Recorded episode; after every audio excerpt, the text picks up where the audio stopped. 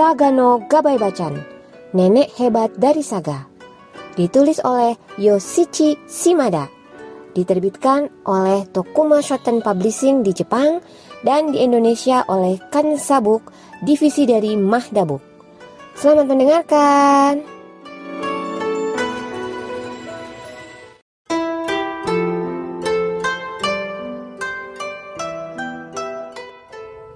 Bab 9 nenek dan ibu.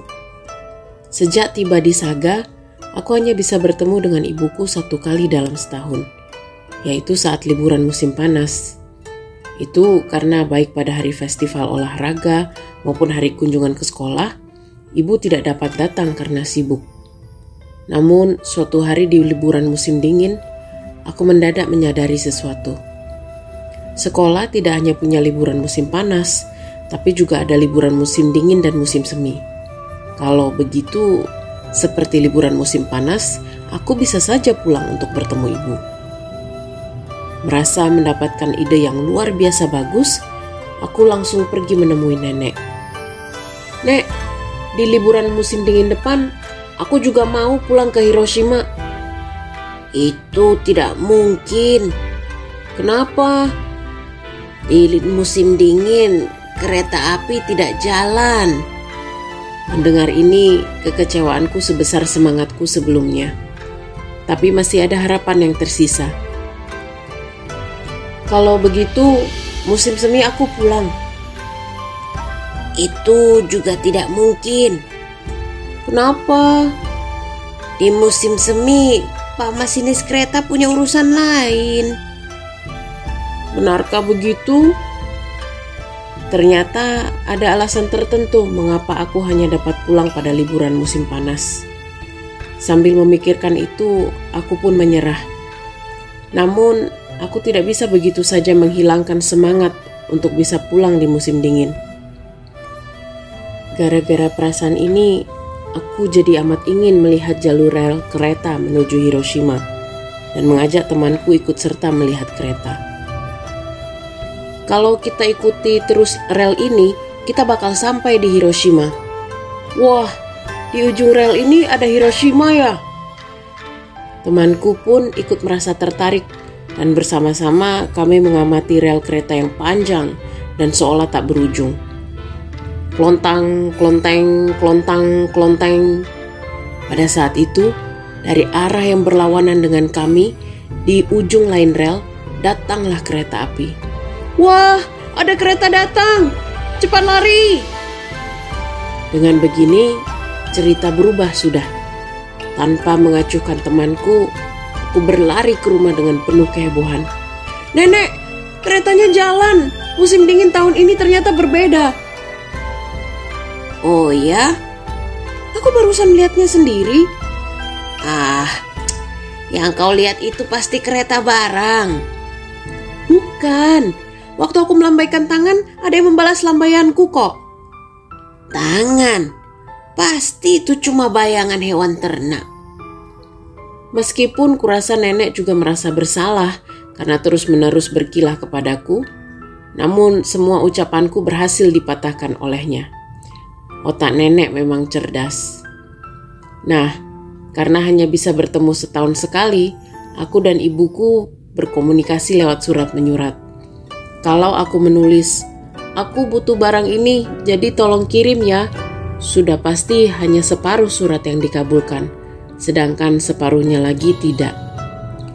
Dari kenyataan ini, aku dapat merasakan kasih sayang sekaligus kesusahan ibu. Saat surat dari ibu datang, pasti ada dua surat yang datang bersamaan. Yang satu khusus ditujukan kepadaku, sedangkan yang satu lagi khusus untuk nenek. Di hari itu pun dua surat datang dari ibu. Aku dan nenek sedang berada di ruang duduk sambil membaca surat. Permisi. Ya, sebentar. Siapa ya? Karena ada suara yang menyapa di pintu masuk, nenek pun keluar untuk melihat siapa yang datang. Pada saat itu, surat untuk nenek tergeletak begitu saja dalam keadaan terbuka. Sama sekali tidak ada niatan dalam diriku untuk mencuri lihat surat tersebut. Tanpa berpikir macam-macam, Aku meraih dan membacanya. Surat tersebut dibuka dengan tulisan, Ibu yang tersayang, apakah Akihiro sehat-sehat saja? Karena namaku sudah muncul di awal surat, saking bahagianya aku pun melanjutkan membaca. Sayangnya, setelah itu surat tersebut hanya dapat mengisahkan kesulitan ibu. Meski setiap bulan biasanya aku dapat mengirimkan 5000 yen, sayangnya untuk bulan ini aku hanya dapat mengirim 2000 yen. Untuk sisanya, aku harap ibu dapat membantu. Begitu isinya. Waktu nenek kembali ke ruang duduk, aku langsung duduk dengan memasang wajah tak tahu apa-apa.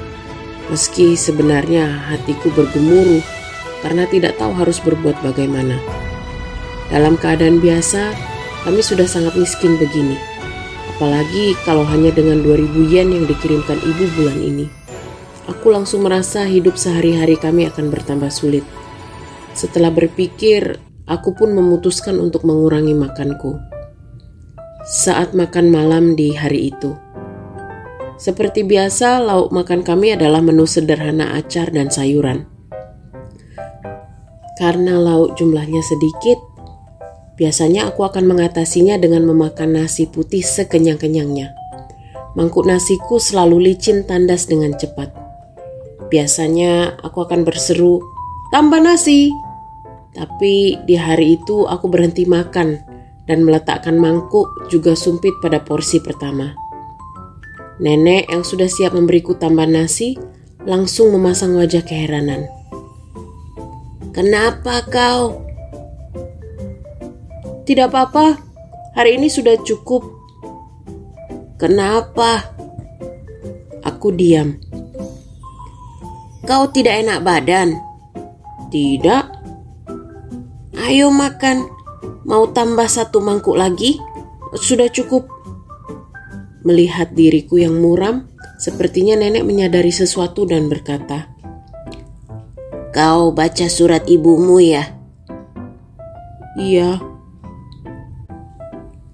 Wajah nenek yang kulihat saat itu selamanya akan tertanam dalam di hatiku. Seperti marah sekaligus sedih Sungguh ekspresi yang tidak dapat kulukiskan dengan kata-kata.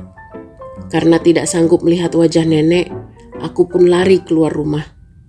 Sesampainya aku di pinggir sungai, air mata yang sejak tadi kutahan kini tumpah seluruhnya. Entah bagaimana, aku tidak dapat mencegah diriku merasa marah dan tak berdaya. Karena masih tidak mau bertatap muka dengan nenek, aku terus berjalan menyusuri pinggiran sungai. Kemudian ketika hari sudah gelap, aku kembali ke kamarku. Ketika tiba di sana, dengan rapi diletakkan di samping futonku yang sudah digelar, terdapat baki yang ditutupi selembar serbet. Setelah mengangkat serbet itu, aku melihat di baki ada piring yang berisi sebuah onigiri, nasi kepal besar. Kalau sekedar nasi, makan saja tulis surat nenek yang menyertai onigiri tersebut. Sambil menahan air mata yang kembali mengancam tumpah, aku melahap onigiri buatan nenek. Pada saat itu, pintu geser kertas pun terbuka. Sudah pulang rupanya. Hmm. Setelah itu, nenek tidak mengucapkan apa-apa lagi. Dia hanya duduk sambil mengamatiku makan. Karena karakternya yang tegar, nenek tidak meneteskan air mata. Tapi aku dapat melihat waktu itu mata nenek tampak berkaca-kaca. Itulah kali pertama aku melihat air mata nenek yang biasanya sambil terbahak-bahak mengucapkan miskin turun-temurun dengan bangga. Nenek moyang nenek bernama Mochi Naga, yang dari generasi ke generasi merupakan salah satu pengasuh anak keluarga penguasa Istana Saga, klan Nabeshima. Dengan begitu, dapat dikatakan nenek berasal dari keturunan baik. Aku tidak tahu kisah detailnya, tapi nenek menikah dengan kakek yang memiliki usaha toko sepeda. Pada masa itu, sepeda merupakan barang mewah, sehingga kakek pastinya berasal dari keluarga elit. Begitulah pernikahan elit dengan pengantin wanita dari keluarga Mochinaga. Akan tetapi kebahagiaan tidaklah berlangsung lama. Kakek meninggal dunia di usia yang masih cukup muda, 50 tahun, meninggalkan nenek yang berusia 42 tahun. Sejak saat itu, nenek bekerja sebagai tukang bersih-bersih dan sendirian membesarkan tujuh orang anak. Di antara satu kesulitan di atas kesulitan lain, nenek tidak pernah memiliki barangnya sendiri, kecuali satu benda yang menjadi kebanggaannya. Benda itu adalah benda yang dibawanya saat menjadi pengantin wanita, yaitu naga mochi, peti panjang beremblem. Bila melihat drama kisah Jepang masa lampau, kita akan melihat peti ini biasanya dipanggul bahu para pengiring di belakang tandu sang putri. Konon, naga mochi itu merupakan hadiah klan Nabeshima kepada keluarga Mochi Naga. Karena dibuat pada era zaman dahulu, tongkat penyangga peti sudah tidak ada. Meski begitu, tetap saja naga mochi tersebut benda antik yang menakjubkan. Seperti kimono para putri yang biasa disimpan dalam naga mochi, Terkadang nenek mengeluarkan dan menganginkan barang-barang yang ada di dalamnya, layaknya benda-benda berharga. Namun, nenek memiliki kebiasaan yang aneh. Walaupun naga mochi itu memang benda antik yang bagus, tetap saja bukanlah tempat penyimpanan yang aman. Tapi nenek selalu memasukkan uang ataupun benda-benda berharga lainnya ke sana. Lalu, yang paling ajaib, nenek juga menyimpan bir untuk para tamu di dalamnya. Ya, sekedar bir. Minum saja dulu, baru pulang. Sambil berkata begitu, nenek membuka tutup naga mochi beremblem kebanggaannya. Terus terang ketika pertama kali melihat peti itu dibuka, aku sungguh terkesima. Meskipun nenek sama sekali tidak minum, saat tamu datang, baik itu siang maupun malam, nenek memang orang yang suka membuka tutup botol bir demi menciptakan suasana nyaman dan santai. Mungkin karena pemikiran selalu ingin menjamu dan memperlakukan tamu dengan baik inilah, nenek menganggap bir sebagai benda berharga, dan benda berharga haruslah disimpan di peti harta. Nah, karena aku sudah menulis tentang nenek, ini saatnya aku memulai kisah mengenai ibu. Seperti yang telah aku tulis di bagian depan, ibu dan ayah berpisah ketika ayah meninggal dunia. Kemudian, karena ibu adalah anak perempuan nenek, seperti ibunya, ibu pun berasal dari keturunan yang baik. Di tahun aku duduk di kelas 5, ibu menutup usaha barnya dan bekerja di rumah makan Cina besar yang ternama di Hiroshima. Dia bahkan sampai diangkat sebagai kepala pelayan di sana. Mungkin karena bawaan pekerjaannya, ibu selalu berpenampilan rapi. Dia tipe orang yang langsung dapat membuat mata orang lain berhenti padanya. Waktu itu musim semi, saat aku kelas 5 atau 6. Sekali-sekalinya ibu datang ke Saga di musim semi dan menginap, meski hanya beberapa hari di rumah nenek. Saat liburan musim panas, meskipun aku dapat pulang dan menghabiskan waktu di Hiroshima, ibu selalu sibuk dengan pekerjaannya. Karena itulah tidak dapat dikatakan aku bersama ibuku dari pagi hingga malam. Namun kali ini ibu yang mengambil libur dan datang ke Saga. Selain waktu harus bersekolah, sisanya aku dapat habiskan bersama ibu. Sebenarnya aku ingin libur sekolah saja, tapi tidak diizinkan. Makanya di pagi hari aku selalu berada di rumah hingga waktunya nyaris terlambat ke sekolah. Lalu begitu pelajaran selesai, aku langsung terbang pulang.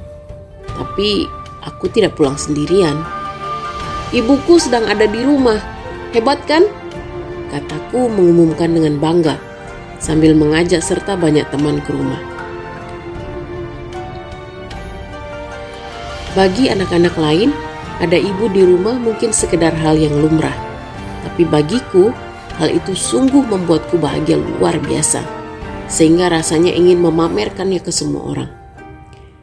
Ibumu cantik ya, puji salah seorang dari mereka yang membuatku kian melambung bangga. Ibu, aku pulang. Aku bawa teman-teman loh. Wah, anak-anak, selamat datang. Ini kue manju Hiroshima. Kalau mau, silakan kalian makan ya. Melihat ibuku yang cantik menyajikan momiji manju dengan senyum lebar, membuatku lagi-lagi menampakkan ekspresi bangga luar biasa ke teman-teman. Pada saat itu, momiji manju, makanan khas dari Hiroshima yang mengambil bentuk daun maple, belum terlalu terkenal. Para temanku pun terbengong-bengong antara memerhatikan kue dan ibuku yang canggih yang datang dari kota besar Hiroshima. Satu hari sebelum kepulangan ibuku, kami pun mengajak kerabat berkumpul untuk pergi menikmati bunga sakura. Kerabat kami mengajak kerabat mereka, kemudian para tetangga juga pergi bersama-sama sehingga total mungkin ada 3 40 orang yang ikut serta. Di bawah pohon sakura yang bunganya bermekaran, suasana jadi begitu meriah bagaikan pesta perjamuan besar. Lalu karena tidak ada karaoke, ibukulah yang bernyanyi. Meski begitu, nyanyian ibu begitu indah sehingga tepuk tangan pun membahana setelahnya.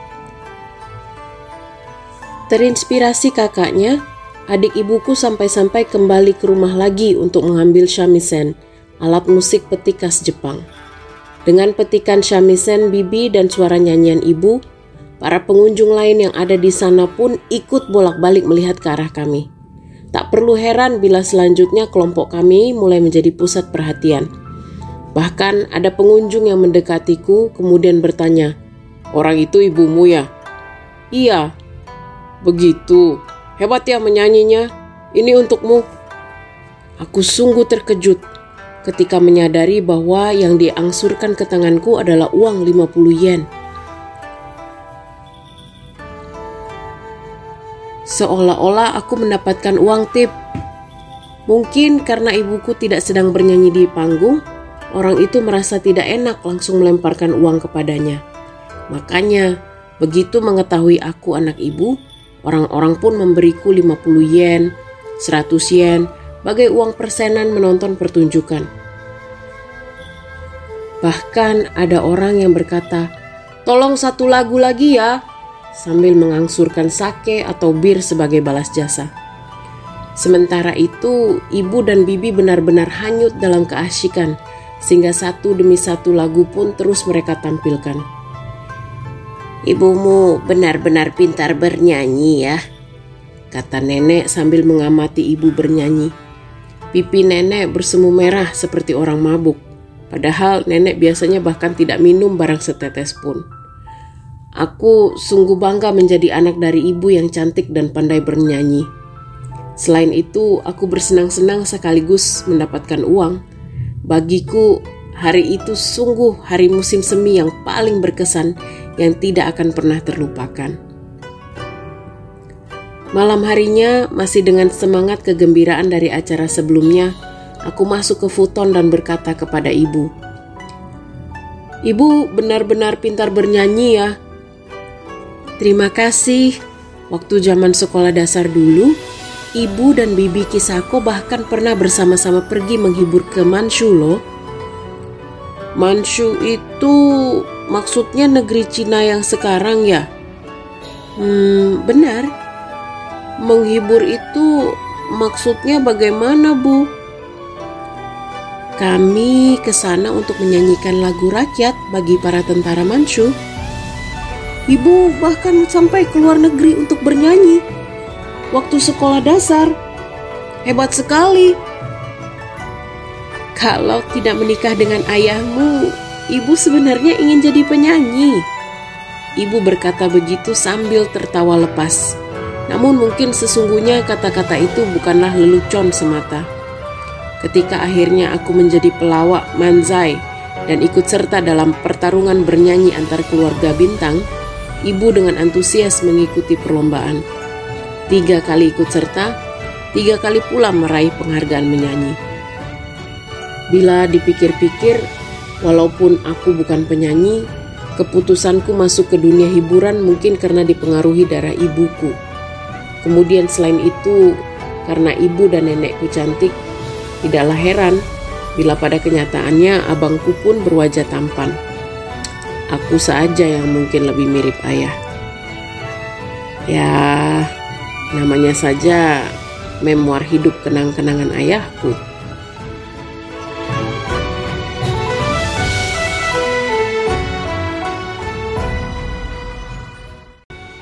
Gimana kisah nenek? Hebat kan? Dengerin lagi ya bab berikutnya.